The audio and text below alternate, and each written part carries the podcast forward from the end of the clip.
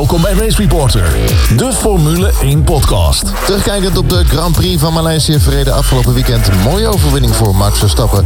Laatste Grand Prix op Maleisië, want we gaan er volgend jaar niet meer rijden. We reden er sinds 1999 en Lewis Hamilton heeft weer mooie punten gescoord. Hij werd tweede. Momenteel heeft hij 281 punten en Vettel 247. Derde in het kampioenschap. Valtteri Bottas met 222 punten. Nog vijf races te gaan. Dit weekend de Grand Prix van Japan. Je luistert naar Race Reporter. Dit is de Formule 1 podcast. En Frederik is er weer. En ook Erwin. Hallo. Oké, Lucas, dankjewel. Ik zit hier met Erwin. En uh, Erwin, heb je ook zo'n fantastische Grand Prix gezien afgelopen weekend? Wauw, Frederik. Ik heb weer op de bank gestaan, man. Wat een resultaat. Max Verstappen, onze held. Geweldig, nummer 1. Echt klasse. Gewoon on merit uh, naar die overwinning toe gereden. Uh, welke overwinning vond jij het mooiste? Vorig jaar Spanje of deze? Ik vond deze mooier, ehm, maar ook een stuk minder spannend. Uh, Spanje was natuurlijk een stuk spannender. Moest hij elke ronde Rijkonen van zich afhouden. En hier was het eigenlijk, ja, de eerste vier rondes was het even, even spannend. Zeker in het begin uh, moest hij Bottas van zich afhouden. Uh, vervolgens had hij die aanval op Hamilton. Heel zeker ging hij er langs. En hij heeft de race gewoon heel, ja, hij heeft hem gewoon gecontroleerd. Het, het enige spannende was eigenlijk of hij, of die Red Bull het wel ging houden. Wat zou de race voor cijfer geven eigenlijk? over het, ja, ik denk een 7 of zo, 6,5 misschien. Want over het, over het algemeen was de race toch wel een beetje saai, los van de uitslag. Neutrale fan was er eigenlijk gewoon geen klap aan. En uh, Verstappen heeft gewoon. Uh, hij had uiteindelijk. Ik zag op uh, de social media dat hij nog een probleem had. waar Red Bull nog niet echt mee naar buiten is getreden. Um, hij klaagde op de radio dat zijn versnellingsbak. die haperde een beetje. En hij ja. deed een paar keer short shift om dat te omzeilen. Maar ze zagen inderdaad wel waarden die erop uitwezen dat hij mogelijk een hydraulisch probleem had. Dat hebben ze hem ook niet verteld achteraf. maar hij heeft de wedstrijd gecontroleerd uitgereden, zeg maar. Jezus. En uh, ja. Zou je niet echt pissig worden op je, op, je, op je team als ze dat soort dingen niet roepen? Of heb je denk je liever als coureur dat ze dit uh, voor je achterlaten? Ik weet het niet zo goed. Maar ja, hij controleerde het gewoon goed. En er was verder ook niet zo geen reden tot, tot echt uh, aan de bel trekken. Um, ja, laat het er maar op houden dat hij had nog veel verder uit kunnen lopen op Hamilton, denk ik. Daarom bleef de 10 seconden, bleef ook ja. 10 seconden uiteindelijk. Ja. Maar ja, Sebastian Vettel van achteruit het veld helemaal naar voren gereden. De vierde geworden. Ja, een wedstrijd zou ik zo zeggen. Ah, Sebastian Vettel heeft echt een fantastische wedstrijd gereden. En dit, dit, zijn nou, weet je, dit kan hij ook inhalen. En die auto is, was, ja, die was gewoon steen goed in Maleisië. Ik denk uh, dat Verstappen geluk heeft gehad dat uh, Raikkonen was uitgevallen en dat Vettel achteraan moest sta ja. starten. Want anders had hij hem hier niet uh, gepakt. Dat denk ik ook. Dat denk ik, dat denk ik oprecht. ja. ja, fantastische wedstrijd, maar een beetje een raar incident op het einde, nietwaar? Ja, dat dat een beetje een vreemd, uh, vreemd randje had dat. Want wat, wat gebeurde daar in vredesnaam met Strol? Ja, die strol, dat is. Ik heb dat eerder tegen je gezegd, uh, Freed. Uh, die man, die hoort gewoon niet thuis in de Formule 1. Uh, iedereen, de race was afgelopen, iedereen doet zijn outlap. En, en, en Formule 1-coureurs pikken dan wat marbles op, wat stukjes rubber. om die auto wat zwaarder te laten worden tijdens de weging na de race. nou ja, al die stukjes rubber liggen natuurlijk niet op de racelijn. Dus hij week gewoon af van de racelijn, kijkt niet in zijn spiegels. en ramt gewoon tegen Sebastian Vettel aan. Dan ben je dus echt had Sepp Vettel daar ook niet een beetje ja, rust en acht moeten nemen? Want hij zat echt als een bizarre kip zonder kop... zat hij gewoon die outlap te rijden. Ja, misschien, misschien Frederik, maar ik geef Strol heel graag het nadeel van de twijfel. Een man die uh, ja, met geld in de Formule 1 is gekomen. Iemand die ik eigenlijk nog niet heel veel goeds heb zien doen dit, uh, dit jaar. Um, kijk gewoon in je spiegels als je uitwijkt van je, van je lijn. Echt ongelooflijk. Ja, Hey, en uh, Hamilton, uh, geconsolideerd gewoon tweede geworden. Ja, ja, twee vingers in de neus. Hij zei dat hij Max nog... Uh, nou, hij liet de deur openstaan. Nou, dat vond ik wel een beetje...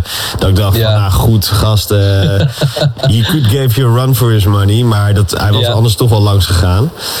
Dat denk ik ook. Ja, eigenlijk Hamilton eh, doet wat Vettel eh, twee weken geleden had moeten doen, nietwaar? Absoluut. Gewoon consolideren, punten pakken. En ehm, ja, eh, Red Bull had gewoon de pace. Ik las ook een artikel dat die Mercedes eigenlijk op de warme banen gewoon for some reason gewoon niet de, de pace heeft die, die de auto zou moeten hebben.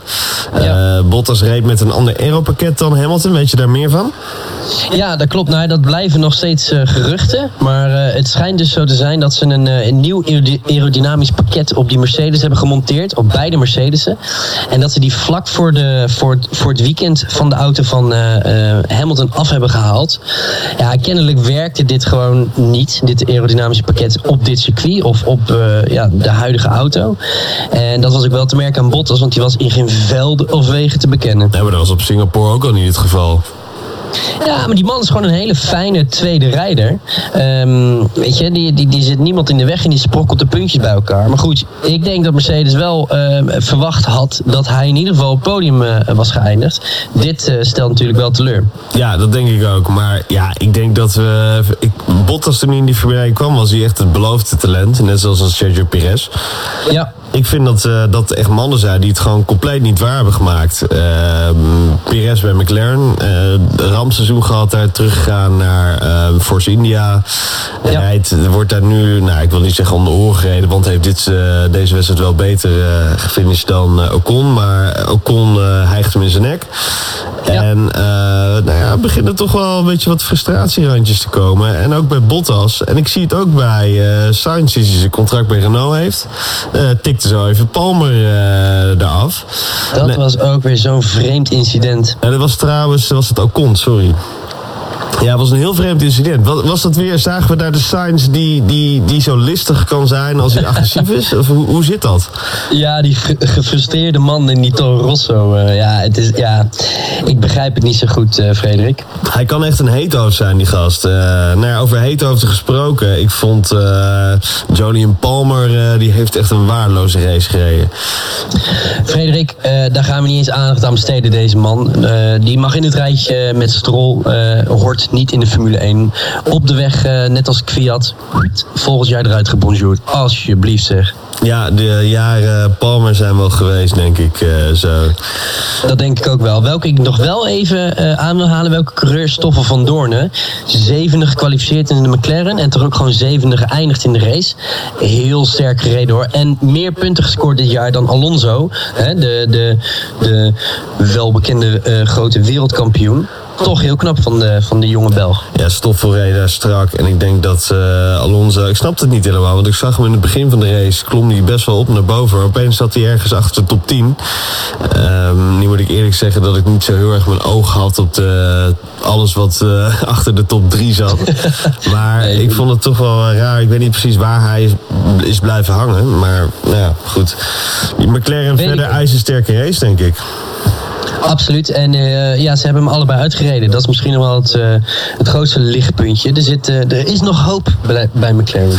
Hey, dan nog even terug naar Ferrari. Want um, ja, ze moeten daar wel echt met handen in het haar zitten. de Gazetta's, de, de, gedrukte persen daar, die schrijven Ferrari echt helemaal kapot. Oh. Wat moet er daar te gebeuren? We zagen het gewoon het hele weekend met de kwalificatie al, met Vettel. Um, het zijn weer al oude tafereelen. Italiaanse pizzabakkers die gewoon met een hand in het haar rondlopen zonder enige vorm van leiding of management of wat dan ook. En dan wordt er ineens een call gedaan. We gaan niet rijden. Uh, ook met Rijkonen, we gaan niet rijden. Wat, wat, wat gebeurt er daar in vredesnaam? Ja, het is zo'n chaos in dat team. En ik weet niet goed waardoor dat ontstaat. Zou het dan toch de druk zijn van... hé hey jongens, we kunnen wereldkampioen worden. Uh, hè, dan spreek ik even over uh, twee weken terug... voor de race van Singapore. Want daar uh, stond Vettel gewoon nog nummer één in het kampioenschap. Um, ja, en nu, je merkt nu de druk wat hoger wordt... nu de punten um, spaarzamer worden... Um, ja, faalt Ferrari eigenlijk gewoon. En doodzonde, heel gelukkig voor Verstappen nogmaals. Want uh, Ferraris waren echt bloedsnel op dit circuit. Ja, ik denk dat als beide heren nog erin hadden gezeten... dat ze deze wedstrijd gecontroleerd hadden gewonnen... en Verstappen gewoon uh, derde had moeten aansluiten. Maar goed, dat zullen we gelukkig ja. nooit weten. Dat is weer het voordeel van, van Verstappen. En hij verdient het ook gewoon als geen ander. Um, ik wil nog even kijken naar Haas... Um, ja, wat, wat vind je van dat? Ik, ik zeg het altijd al, ik roep het ook altijd tegen Lucas. Kleurloos, toch? Echt compleet kleurloos. Nu ook weer 12e, 13e. Wat me vooral verbaast is Romain Grosjean.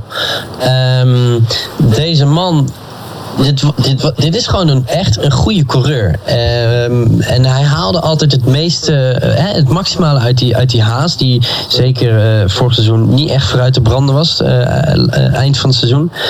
Ja, en nu merk je gewoon, die man zit bang in die auto. Ja, die zit echt bang in de auto. Elke keer als hij dat rempedaal trapt, is hij ja. bang dat dat ding tot het schutpoort doordrukt.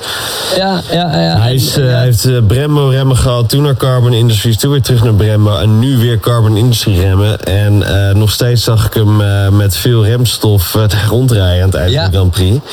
Er zit weinig ja. zekerheid in, dat zie je ook aan hem. Nou, zijn ongeluk in de vrije training met dat putdeksel, dat helpt natuurlijk niet mee voor je, voor je vertrouwen. Nee. Um, maar ik denk wel dat ze daar echt een probleem hebben bij Haas. Als je een coureur hebt die gewoon niet met zijn remmen kan omgaan en constant Grand Prix na Grand Prix loopt de handen met die remmen. Ik maak me wel ernstig zorgen erover. Maar ja, het is, het, het is voor mij ook echt een kleurloos team. Over kleurloze figuren gesproken. Uh, Marcus Eriksson heeft ook echt een, uh, nou, een flater van de wedstrijd gereden, zeg. kreeg gemiddelde cijfers, ik heb ze even opgesnoord. Bij Sky kreeg hij een 3. De Duitse oh. media gaf hem ook een 4, geloof ik. Het, ja, het wordt toch ook tijd dat die jongen verdwijnt. En nu wordt hij zelfs gelinkt aan Williams. Dit, ja, maar dit, dit kan toch niet? Nee, het is gewoon ja, waardeloos. Maar, maar, maar die man die gaat er volgend jaar toch uit, of niet? Ja, ik ben dus bang dat deze man blijft. Uh, tezamen met uh, Charles Leclerc een, een rijdersduo gaat vormen Sauber. Dat, dat zijn de laatste silly season geruchten voor volgend jaar. Even waar gaat Weerlijn heen dan? Ja, Weerlijn schijnt misschien voor het Formule E-project van Mercedes te worden opgetrommeld. Okay. Lees je dan zo links en rechts. Maar goed, we gaan zien hoe die doet. Overigens vind ik dat Weerlijn ook niet mega veel, voor zover je iets kan laten zien in die Sauber, niet veel heeft laten zien. Uh, nee. Stond toch ook niet steeds overtuigend voor Ericsson. En uh, nou ja, ze hebben samen ook nog wel wat collisions gehad en dingen. En uh, ja, het is, het is gewoon geen. Ik, ik, ik had meer verwacht van Weerla. Maar ja, hoe, hoe goed kun je je laten zien in zo'n auto? Dat, dat is mijn ding ook. Ik bedoel, ze rijden met een motor van een jaar oud. Ja. Ja, dat blijft een beetje het lastige. Ehm, maar goed, hetzelfde geldt voor die Toro Rosso. Ook al rij je in het achterveld, zolang jij boven jouw teamgenoot eindigt en uh, de directe concurrenten uit weet te schakelen, kun je toch wel uh, jezelf op een of andere manier bewijzen. Ja, voor een Sauber team wordt het gewoon erg lastig. Die rijden gewoon drie seconden, structureel drie seconden langzamer dan de top, uh, top 5. Um, ja een, een, grote jongensdroom om in de Formule 1 te rijden. Maar uh, ja, en dan, dan zit je die Sauber. Nee, precies. Nee, over uh, jezelf waarmaken gesproken. Nico Hulkenberg, kwalificatiestand 15-0 tegen Jolien Palmer. Ja, die Palmer is echt één grote grap, hè. dit, is, uh, dit is echt fantastisch. Twee weken geleden in Singapore uh, had hij een mooi resultaat, hè. Ja. En, uh, ja, en nu als je die gevechten ook weer ziet achter in het veld met een, met een Carlos Sainz. Ja, je, je, hebt het gevoel dat die man in de botsauto zit of zo. Ja. Ik weet niet wat hij aan het doen is, maar dit, dit vind ik geen Formule 1 race. Ik, ik heb het gevoel dat dit seizoen een heel groot verschil zit tussen de top en, en dat er dan heel lang geen subtop is. En dan heel erg onderaan Renault, Toro Rosso, Haas. Dat soort teams. ik hoop dus heel erg dat uh, McLaren volgend jaar met Renault uh, motoren wat aansluiting kan vinden met subtop. Gezien het chassis dat ze hebben en uh, de tijden nu, die ze nu al rijden met de verbeterde Honda motor. Ja. Ze komen eraan. En ik denk als de configuratie met de Renault motor gewoon helemaal soepel en vlekkeloos verloopt. Ehm, dan denk ik dat ze best wel resultaten als Red Bull kunnen neerzetten. Misschien er wat tegenaan, zo niet te voorbij. Want qua chassis zijn die gasten echt uh, on merit, zeg maar. Vind ik uh, optimistisch van je, maar uh, we gaan het zien, Frederik. Hey, wat denk je voor Japan? Want um, ja, iedereen dacht van Mercedes-baantje inderdaad. Het is een beetje een mix van Maleisië, maar ook een mix van de Hockenheim. Beetje Spa ook. veel vloeiende bochten, lange doordraaiers. heb je veel aero nodig. ja, wanneer de temperaturen een beetje goed zijn... Ik denk dat de Red Bull best wel kan aanhaken. Wat denk jij? Vorig jaar uh, Max Verstappen natuurlijk op podium geëindigd. Ja. En uh, ja, Japan is echt een uh, fantastisch circuit. Het weer kan daar ook nog wel eens een, een factor zijn. Er kan er een telefoontje voorbij komen, ja. Precies. En dan, uh, dan kan het nog wel eens chaos worden. Ik heb er in ieder geval heel veel zin in. En um, ja, ik vind het moeilijk om te voorspellen. Um, zeker omdat bijvoorbeeld de Red Bull. Uh, vooraf had Red Bull bijvoorbeeld een asterixje geplaatst bij Singapore. Nou, dat wordt dan helemaal niks. En in de races waar ze het eigenlijk niet verwachten, staan ze in één keer op het podium.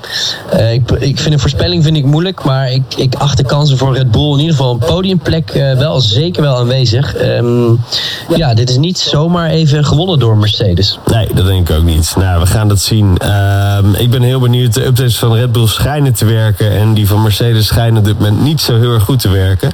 Ja. Uh, we gaan het zien. Ik ben heel benieuwd. Kan Ferrari uh, het gat nog dichten? Ik ben er een beetje bang voor. Hm. Lucas, uh, wat denk jij ervan? Ik, ik, denk dat Lewis wereldkampioen gaat worden dit jaar. Ja, hij heeft ook meer, meer dan Vettel gewonnen ook. Dus dat heeft er wel alle schijn van. Dit weekend de Grand Prix van Japan. We gaan het zien. Uh, de Grand Prix begint om 7 uur in de morgen. Dus het is vroeg op. Nog vijf races te gaan. Natuurlijk Japan, Amerika, Mexico, Brazilië en Abu Dhabi. Dus het wordt nog spannend zo aan het uh, einde van dit Formule 1 seizoen.